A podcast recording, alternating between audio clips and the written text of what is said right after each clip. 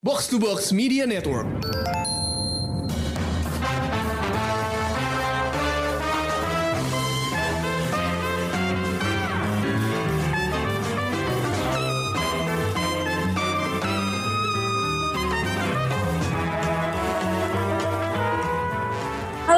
Halo selamat datang di Showbox Podcast dengan gue Lisa. Dan gue Amy. Kali ini kita bakal ngebahas dua series yang seru banget uh, ditonton di Mola TV. Uh, yang pertama tuh ada namanya Kandar. Uh, ini tuh uh, paranoid thriller seru banget gitu deh. Gue inget-inget, gue tuh, gue tuh suka inget uh, Homeland. Nonton ini tuh kayak mirip-mirip gitu kan. Mungkin karena uh, CIA CIA gitu ya. Uh, yang kedua ada uh, Our Boys. Ini tuh em, tentang pembunuhan remaja-remaja di Palestina dan uh, Israel gitu. Jadi nanti kita bakal bahas itu. Uh, Emi udah nonton dua-duanya? Gue udah nonton dua-duanya, tapi jujur aja yang Our Boys tuh berat banget buat gue nontonnya. Ya. Gue Nanti gua setuju. gue setuju. Karena nontonnya tuh bikin depresi, apalagi di episode berapa tuh yang bapaknya akhirnya eh, mengidentifikasi gitu. Gue yang kayak, ah, wow. Lumayan agak lama nontonnya nonton yang Our Boys. Oke, eh, kita mungkin akan bahas Condor dulu. Berikut adalah trailer dari Condor.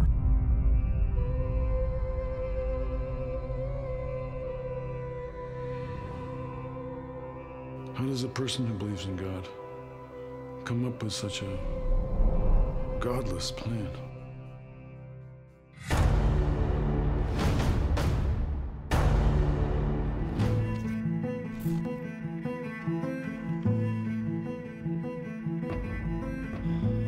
Two years ago, you wrote a program to help screen employees at likely terrorist targets in the Middle East. The program is operational. It's operational, John. It works. Welcome to the big leagues, Joe. The man we suspect of being a terrorist is about to walk a package whose contents are unknown to us into a football stadium packed with 80,000 American souls. You're talking about killing a man without any evidence against him except for an algorithm that I wrote years ago and subsequently forgot about. What would you do if this was your play?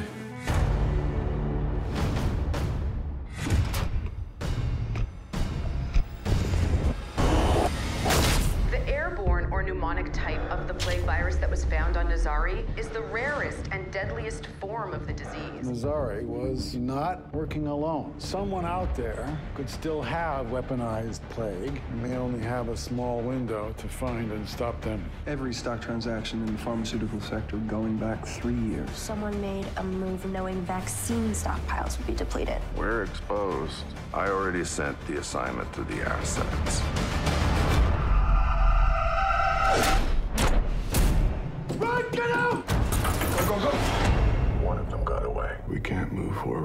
Out there. The manhunt is centered on alleged mass shooter Joseph Turner, who is believed to have killed 11 Joe, are you okay? No. Can I come in? What happened to you? I don't think I can talk about it. I said I wanted it kept out of the news until we brought Joe in. The agency's been compromised. I don't know who I can trust. What they said about me on the news isn't true. You recruited him, you trained him, and your record would be permanently stained by his guilt. Please believe me, that's not who I am.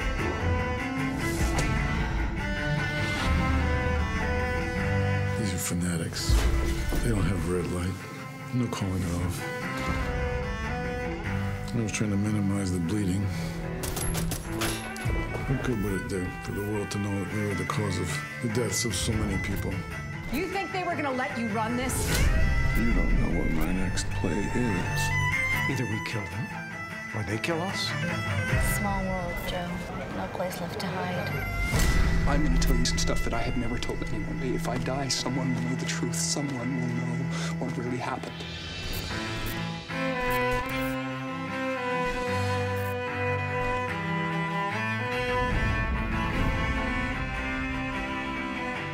Oke, itu dia tadi ini trailer dari Condor ini. eh, eh, ini tuh menarik banget karena sebenarnya ceritanya diadaptasi dari awalnya novel eh, tahun 74 eh, ditulis oleh James Grady, judulnya Six Days of the Condor.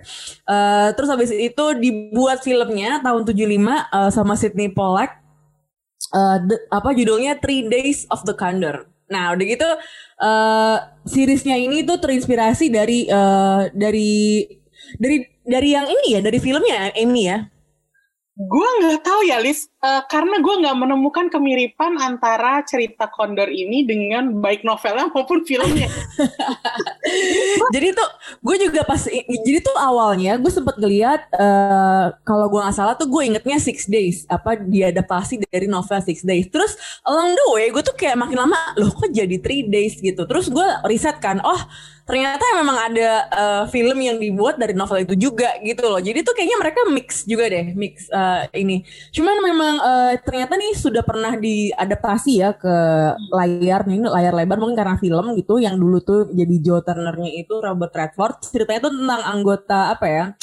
tentang anak muda direkrut sama CIA gitu. Kalau yang di seriesnya itu dia tuh berhasil menciptakan uh, semacam algoritma buat uh, mendeteksi apakah seseorang ini ter, uh, ter terkait dengan organisasi teroris atau enggak gitu kan. Jadi ya. kayak uh, semacam memang dia spying on citizen sih sebenarnya gitu. Hmm. hmm. Emang nih morally agak-agak dipertanyakan gitu kan. Cuman uh, yang dipertanyakan tuh bukan plotnya tapi emang uh, uh, peran sebuah badan institusi kayak segede CIA, sepowerful CIA gitu itu uh, mau secara moral dan etik tuh kayak gimana sih kayak gitu kan. Hmm. Uh, gue sih awal ini gue sih suka banget ya dengan uh, series Kandar ini menurut gue itu episode-episode awalnya itu kuat banget dan sangat menggambarkan emang yang namanya thriller series tuh uh, pacunya cepat udah gitu uh, apa ya resikonya tuh jelas gitu ya ketika lo ada karakter yang cewek uh, the apa ya, apa yang serial killernya cewek itu yang orang Israel itu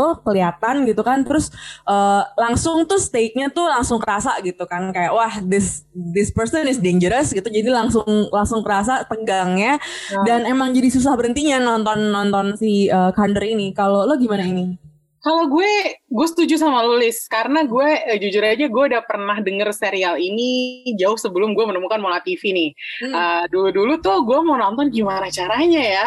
Hmm. Sementara kalau misalnya gue apa namanya, uh, gue menonton dengan cara yang kurang, yang tidak legal lah hmm. gitu. Dan itu tuh episode susah banget didapat karena uh, cable yang ya itu bukan yang apa hmm. bukan yang network gede gitu jadi yeah. kayak hmm. itu niche banget terus hmm. gue cuma dapat dua episode lo bayangin gue udah nonton dua episode terus gue harus berhenti karena gue nggak nemuin Wah, susah banget loh karena dua episode itu kan udah terjadi sesuatu kan yeah, kan di episode pertama aja tuh udah terjadi gitu iya yeah, dan itu kan uh, apa namanya uh, ini kita sesi spoiler aja kan langsung yeah, aja langsung langsung langsung ya jadi uh, ter ketika terjadi pembunuhan di kantornya Joe Turner hmm. uh, mass shooting gitu ya.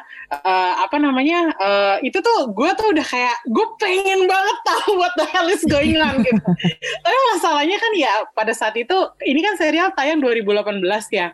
Terus udah gitu gue udah lama banget nih nggak nemuin serial ini. Terus waktu itu kebetulan gue lagi waktu kita lagi nonton film-film yang sebelum-sebelumnya gue udah nge udah ngecek nih oh di mana ada nih kondor Iya, iya, iya. Gue nonton aja, jadi gue terus langsung nonton dan terus gue menemukan bahwa ternyata it's a conspiracy yang kalau menurut gue nggak terlalu uh, apa ya, nggak terlalu ngawang gitu loh. Jadi kayak mm. I can really see this happening in America yeah. gitu. Mm. Karena waktu itu kan Mm. Nah, gue nggak tahu uh, serial ini ditulisnya kapan, tapi uh, masalah bahwa uh, American government diduga memata-matai citizennya sendiri tuh udah lama santer di berita gitu.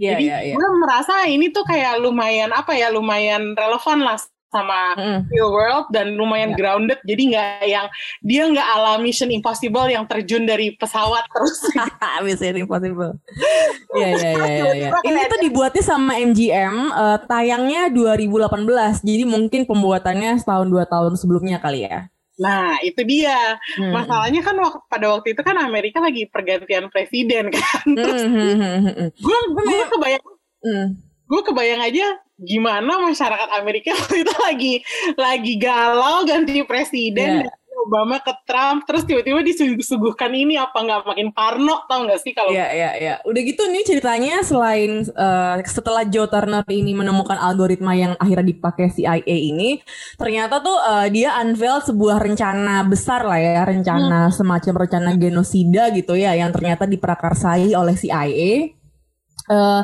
nah itu tuh ceritanya uh, ada yang mau disebarin lah semacam uh, wabah gitu ya, semacam virus wabah yang bakal disebarin uh, di sebuah uh, kegiatan uh, religius cie biar nggak terlalu spoiler cuman uh, dengan dengan dengan dia nyebut uh, kayak plague aja tuh gue udah kayak pas banget nih nontonnya tahun 2021 ya kan gue baru nonton oh, sekarang gitu ya, kan. jadi kayak wow ini ini tuh kayak emang emang ahead of its time gitu kali ya tahun 2018 tuh mungkin uh, kayak nggak mungkin gitu loh uh, wabah seluruh dunia tuh kayaknya orang nggak terlalu mikirin. Tapi makanya di series ini pun nggak uh, terlalu wabahnya kan nggak terlalu apa yeah nggak uh, terlalu dampaknya yang dikasih tahu tapi lebih ke plotnya gimana caranya menyebar virus itu.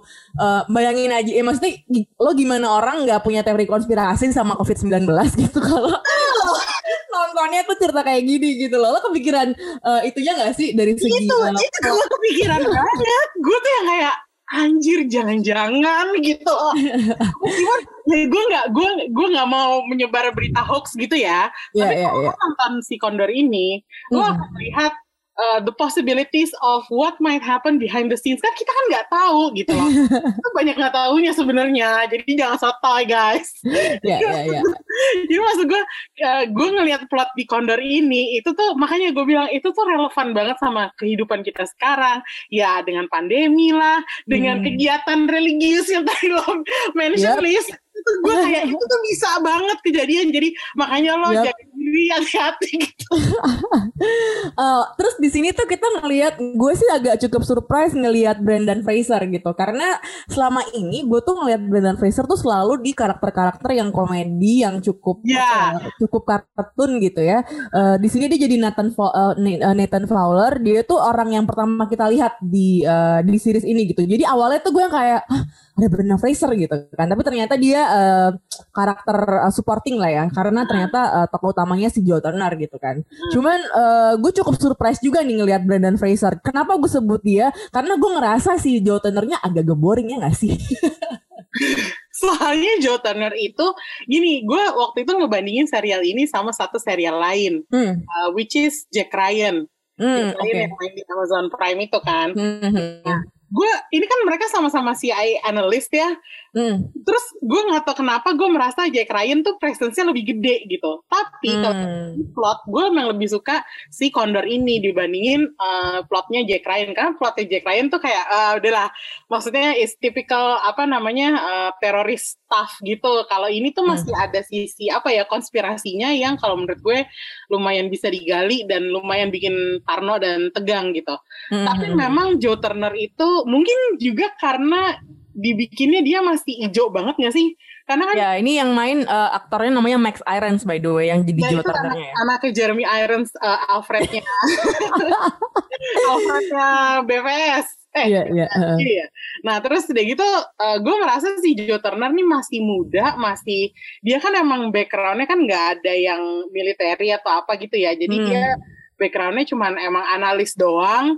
Uh, he only likes running. Nah makanya kan di sepanjang series ini dibilangin dia tuh nggak running.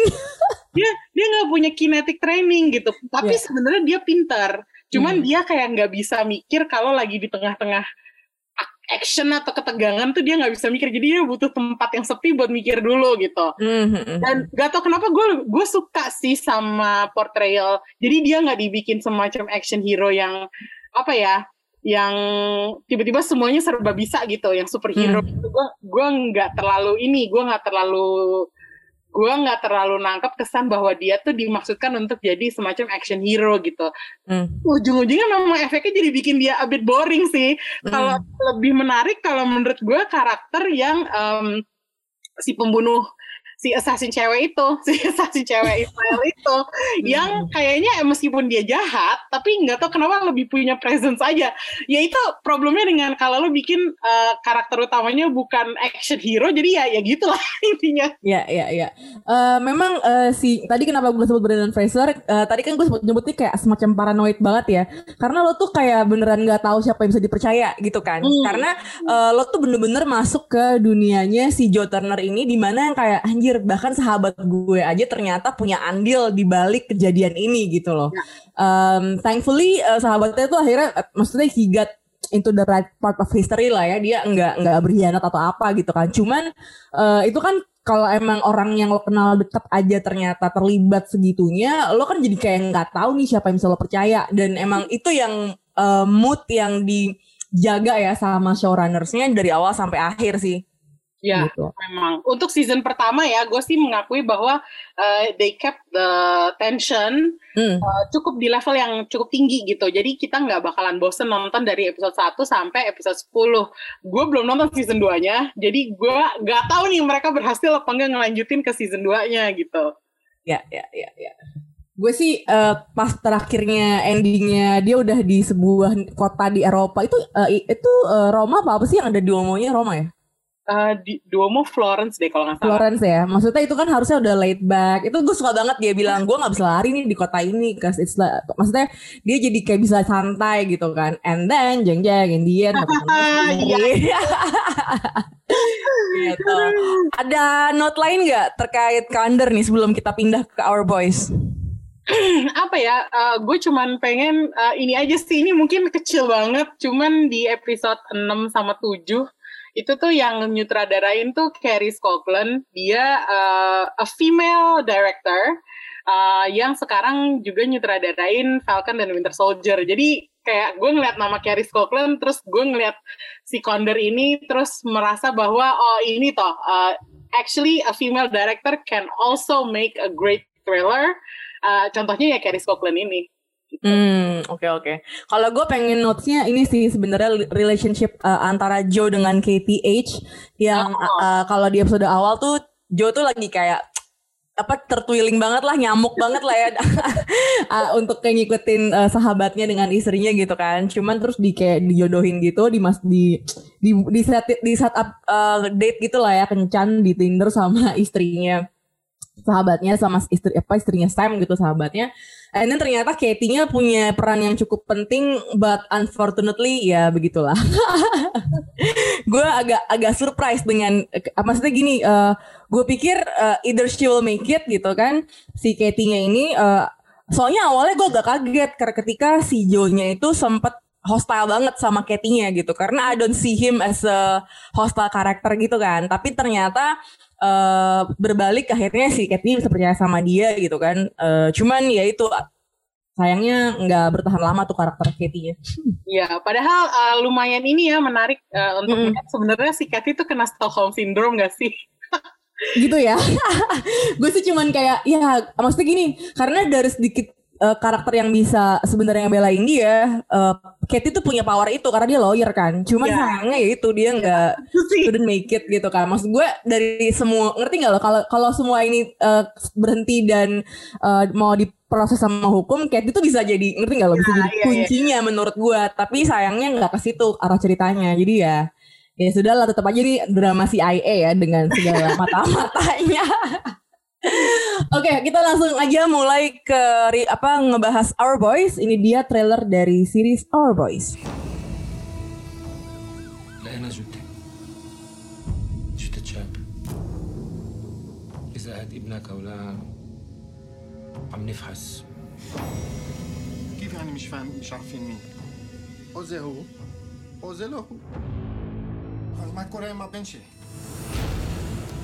איך פותרים את הבלאגן במדינה הזאת? אתם לא מבינים את זה, אתה לא בשטח. אתם לא יודעים מה זה העיר הזאת. כן? אז בוא תסביר לי מה זה העיר הזאת.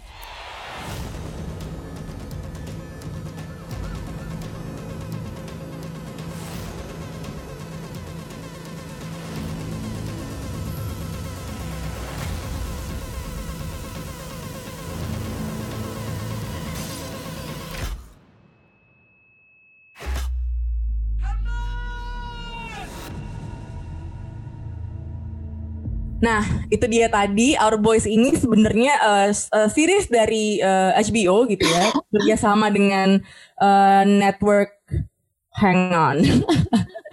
Catatan gue hilang. Uh, oh iya, network di Israel gitu uh, namanya Cash Cash Head. Sorry gue kalau ngomongnya salah, tapi tulisannya Cash Cash Head K K E S H, H E T gitu ya. Hmm. Ini ada uh, 10 episode sama kayak ini, satu series 10 episode sama kayak Kander dan ini tuh uh, sebenarnya ada kejadiannya, cuman uh, ini dibuat versi fiksinya gitu. Mm. Uh, apa ya, semacam dramatisasinya gitu ya, semacam uh, ya pokoknya agak dilebayin buat bisa dinikmati secara uh, apa series gitu kan. Ceritanya tentang ini, tentang uh, remaja-remaja di uh, remaja-remaja Israel dan uh, Palestina yang yang diculik dan kemudian dibunuh gitu ya. Jadi sebenarnya ini tuh ngomongin uh, tens apa ya tensi yang sangat tinggi antara uh, bangsa Yahudi dengan Arab di uh, negaranya itu gitu kan, di negara Israel gitu kan. Jadi uh, awalnya tuh kalau lo lihat uh, mungkin lo agak bingung ya karena uh, openingnya tuh cukup slow. Gue tuh cukup kayak nggak sabar sampai tengah epi. Kayaknya dia bahkan ngelewatin tengah episode baru kayak ending-endingnya tuh kayak lo ngera oh oh ini nih arahnya berarti lo uh, mau menyasar keamanan nih orang-orang uh, Arab di di sana gitu kan. Karena uh, ternyata hubungannya kurang baik gitu kan gitu. Ya maksudnya gue tahu itu kurang baik tapi gue tuh nggak pernah menyaksikan itu di layar baik itu kaca maupun layar lebar gitu. Kalau lo uh, pernah nggak nonton yang sejenis kayak gini gue jujur aja karena gue agak-agak menghindar dari film-film semacam ini jadi ini pertama kalinya gue nonton yang segini mm, mm, mm, mm. jadi uh, tapi lo ngerti nggak mana yang ngomong Arab mana yang ngomong Hebrew? Enggak itu gue gak ngerti. I'm sorry. Itu gue nontonnya fokus banget gitu loh kayak ini ngomong apa nih? Gue gak ngerti. Kan dan itu tuh kayak it plays such a huge role in the story ya gak sih? Kayak yeah, yeah. Uh, apa ya identity tuh sebagai orang Arab atau orang Yahudi di cerita ini tuh sangat berperan penting gitu. Jadi uh, setelah ada kejadian penculikan dan pembunuhan ini gitu ya, kalau lo lihat bagaimana orang-orang di cerita ini berbicara dan uh, saling tuduh apa segala macam tuh apa ya bener-bener tuh kayak ya itu kan pasti orang Arab. Orang Arab tuh uh, pasti karakternya tuh kayak gini gitu. Orang Yahudi tuh nggak mungkin ngebakar uh, orang. Maksudnya apa tuh ada hal-hal yang nggak bisa gue proses secara instan gitu ya karena gue tuh nggak I like knowledge of about the dynamics gitu loh between yeah. uh, between the Jews and the Arabs gitu di sana yeah. gitu karena gue bener-bener anjir gue sama sekali nggak ngerti bagaimana dinamika hubungan mereka gitu ya mungkin kalau um, di sini tuh kita kayak mungkin antara orang Cina, Jepang, Korea kayak gitu kali ya kayak uh, apa ya maksudnya ada ada semacam sentimen-sentimen tertentunya gitu. Kalau di sana tuh juga ada tuh kayak gitu kayak kalau orang uh, Yahudi nggak kayak gitu jalannya dari cara ngomongnya juga udah kelihatan kayak gitu-gitu loh. Which is iya. bagi gue gue buta banget kayak apaan gue nggak ngerti gitu. Jadi gue lebih kayak gue kayak mulai lost nih gimana gimana kayak gitu kalau lo gimana pengalaman lo nonton Our Boys itu itu sama banget seperti yang gue rasain ya Lis dari hmm. awal pertama kali gue udah mulai ngeklik nih serial gue udah siap-siap gue bakal struggle karena bukannya apa-apa ini tuh uh, masalahnya temanya sensitif kan ya. uh, sampai sekarang uh, ketegangan antara Palestina dan Israel tuh masih jalan yep. masih mm-hmm. perang mm-hmm. dan masih banyak apa ya kayak culturally tuh masih banyak hal-hal yang uh, menjadi konflik gitu. Hmm. Gue nonton ini jujur aja, gue nonton episode satunya aja tuh sampai tiga kali. effort ya kak effort banget Liz karena bukannya apa apa ya karena gue gue merasa maaf ya maaf banget gue maaf banget tapi wajahnya mirip semua. Gue tuh agak-agak bingung. Ngebedain yeah. sementara buat mereka itu jelas banget yang mana Arab yang mana iya, Yahudi iya. kan. Gue yang kayak eh, yang mana gimana? Makanya gue jadi mikir apakah serial ini cocok ditonton oleh uh, masyarakat yang tidak memahami hmm. sana gitu karena hmm, hmm, hmm. bahaya banget gitu jadi karena uh, tadi kan uh, udah ada stereotip stereotip yang muncul yeah. hmm. kalau stereotip munculnya dari masyarakat mereka sendiri dari dari rakyat mereka sendiri maksudnya stereotip warga Palestina terhadap uh, warga Israel dan sebaliknya yeah. itu hmm. mungkin hal yang lain tapi ini masalahnya ini kita loh kita tuh nggak ada hubungannya sama sekali loh terus tiba-tiba lo kayak mau keluar-keluar jihad jihad gitu ya ini ya lo apa enggak apa enggak apa yeah, namanya yeah, yeah. kayak tiba-tiba panas gitu. Yeah, yeah. Kalau gue tuh ngerasa gue gue selama nonton episode satu tuh gue cuman kayak please God ini gimana cara gue bisa memahami cerita ini tanpa apa ya tanpa bias gitu tapi yeah, itu yeah, agak yeah. susah kalau menurut gue agak sulit sih karena yeah. ya itu mungkin kita nggak terlalu familiar dengan dengan uh, dinamika mereka gitu kan kita kan cuma dengar dengar baca dan dengar aja kan kita nggak pernah uh, melihat nggak pernah langsung kalau gue sih ya gue nggak pernah langsung ada di sana yeah. gitu jadi yeah. uh, kalau misalnya yang antara uh, di Asia Timur tuh gue sempat tahu tuh dan sempet kayak emang tuh kalau misalnya lo liatin emang beda cara caranya orang Korea dengan orang Jepang tuh emang beda gitu yeah. dua amat amati ya cuman hmm. kan lo harus punya pengalaman ada di sana gitu kalau di sini tuh ya berarti nonton Our Boys gue beneran cuma mengandalkan uh, ini sih cerita dari hate crime yang muncul di ceritanya aja bener-bener kayak gitu jadi ketik jadi kalau itu orang ngomong Karena yang berat adalah ketika misalnya ada kesaksian gitu kan. Lo yakin yang lo lihat ini orang Arab gitu kan? Lo yakin yang lo lihat ini orang Yahudi gitu? Terus jawabannya juga ambigu nggak jelas gitu kan. Karena kayak iyalah kalau orang ngomongnya kayak gini. Ngerti nggak lo? Kayak hah kayak gimana gue gue nggak bisa ngikutin tuh yang kayak gitu. Jadi bagian pol, uh, investigasi polisinya itu cukup berat untuk gue tonton gitu. Jadi gue ya akhirnya uh, cuman untungnya uh, dari pihak keluarganya korban itu uh, menarik banget uh, actingnya. Jadi gue bisa ngikutin itu di situ. Gitu hmm. sebenarnya ada satu hal yang gue pengen uh, address di sini bahwa hmm uh, ini tuh uh, kan yang produksi kan Israel ya. Tapi mm -hmm. entah kenapa kok gue um, setelah gue baca-baca malah mm. yang akhirnya protes tuh adalah orang-orang Israel. Mereka mm. mengirim surat kepada HBO untuk mm. untuk bilang bahwa kok murdernya tiga kan ada dua apa empat yeah. empat teenager ya yang yeah. terbunuhnya yang tiga orang Israel tiga orang Palestina. Ya, uh. Yang yang mereka yang diprotes tuh adalah murdernya tiga orang remaja Israel itu uh, itu tuh kayak cuman sekedar lewat aja gitu. Betul. Nah hmm. itu gue nggak ngerti maksudnya apakah uh, ini kan produksinya produksi Israel, apakah hmm ini menunjukkan suatu apa ya upaya effort untuk mereka menyeimbangkan sudut pandang atau cerita hmm. atau memang kejadiannya kayak gitu atau gimana gitu loh jadi itu itu hmm. yang gue masih jadi agak-agak kurang jelas gitu jadinya hmm. dan gue udah udah baca duluan jadi gue takutnya nih gue bias ke mana nih gitu hmm. gue kayak ya, memang ketika nonton sebuah uh, cerita yang terjadi dalam masyarakat yang gak kita familiar ya. Itu emang agak sulit. Cuman menurut gue tetap uh, bisa ditonton bisa dinikmati gitu ya. Karena memang uh, ini tuh ngomonginnya ngomongin hate crime dan ketika semakin lama lo tonton lo jadi ngerti oh ternyata ada ada masalah sentimen LGBT juga kayak gitu gitu kan. Uh, terus ada apa ya dia tuh sebenarnya lebih nyorot sebenarnya mirip dengan uh, ini sih dengan uh, series-series di Amerika juga gitu dia tuh menyorot justice sistemnya yang agak-agak uh, dipertanyakan gitu kan jadi misalnya uh, cara kerja polisinya gitu kan yang juga uh, penuh dengan bias gitu dan lo bisa ngeliat ada tokoh polisi yang uh, dia tuh kayak semacam eh, orang seniornya gitu ya deteksi Simon ini loh maksud gue. Mm-hmm. Jadi Simonnya ini tuh kayak agen agen buat uh, internal security service-nya uh, Israel namanya Shabak gitu ya. Hmm. Uh, dan dia tuh kayak uh, ngebongkar betapa bobroknya apa kerja polisi gitu loh karena mereka tuh kayak uh, dia ya itu karena biasnya itu gitu. Jadi uh, karena karakter Simon ini lo jadi ya jadi lo cukup punya pegangan lah kalau lo ngikutin Simon misalnya lo jadi jadi bisa ngikutin ceritanya menurut gue. Hmm, oke. Okay. Iya, jadi uh, menarik sih menurut gue buat ditonton dan dan kalau suka sama detektif show kayak gitu-gitu, ini sih sebenarnya semacam kayak gitu juga gitu loh. Cuman emang dia sangat kental dengan uh, apa ya?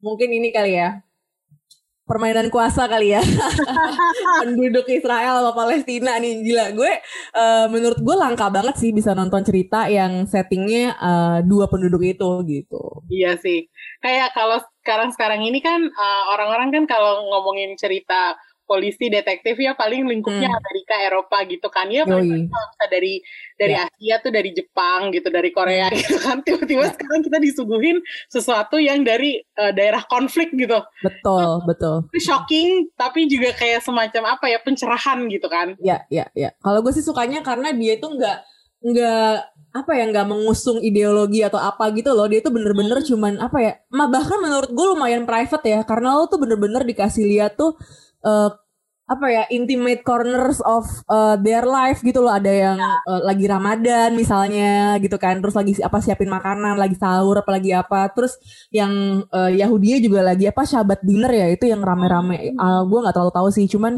kayaknya lagi acara adat juga gitu kan dengan uh, ketika ada rebaynya itu loh ini yang yang rame-rame gitu. Kayaknya situ syabat dinner kayak gitu-gitu loh. Jadi menurut gue um, uh, mereka tuh emang lebih tertarik untuk menggali apa ya mungkin sesuatu yang tabu kali ya yang diomongin. Mungkin biasanya ngomongnya tuh private terus jadinya lo dipertontonkan dipertontonkan yang kayak gitu di ceritanya. Gitu sih. Ada notes lain nggak uh, buat our boys? Kalau gue nggak ada uh, tapi gue cuman mau warning aja ya treat this title uh, apa ya jangan jangan kayak apa sih uh, lo masuk tuh jangan lo masuk dengan pikiran terbuka lah gitu aja kalau menurut. Oke oke oke. Oke, itu dia tadi pembahasan kita Candor dan Our Boys. Dua-duanya bisa ditonton di Mola TV. Uh, seru banget. Dua-duanya satu series itu ada 10 episode. Uh, yang satu cepet banget. Uh, yang Candor tuh cepet banget pace-nya dan mungkin uh, cocok buat kalau lu suka sama series kayak Homeland gitu ya. Kalau misalnya lo lebih suka uh, true crime drama yang agak lebih slow gitu kan dan mungkin lo nggak pernah nonton uh, bagaimana orang Jewish dan uh, Palestinian mereka berinteraksi, lo mungkin akan lebih suka si Our Boys ini sih. Gitu. Thank you banget udah dengerin Showbox. Kita jumpa lagi minggu depan. Dadah. Bye bye.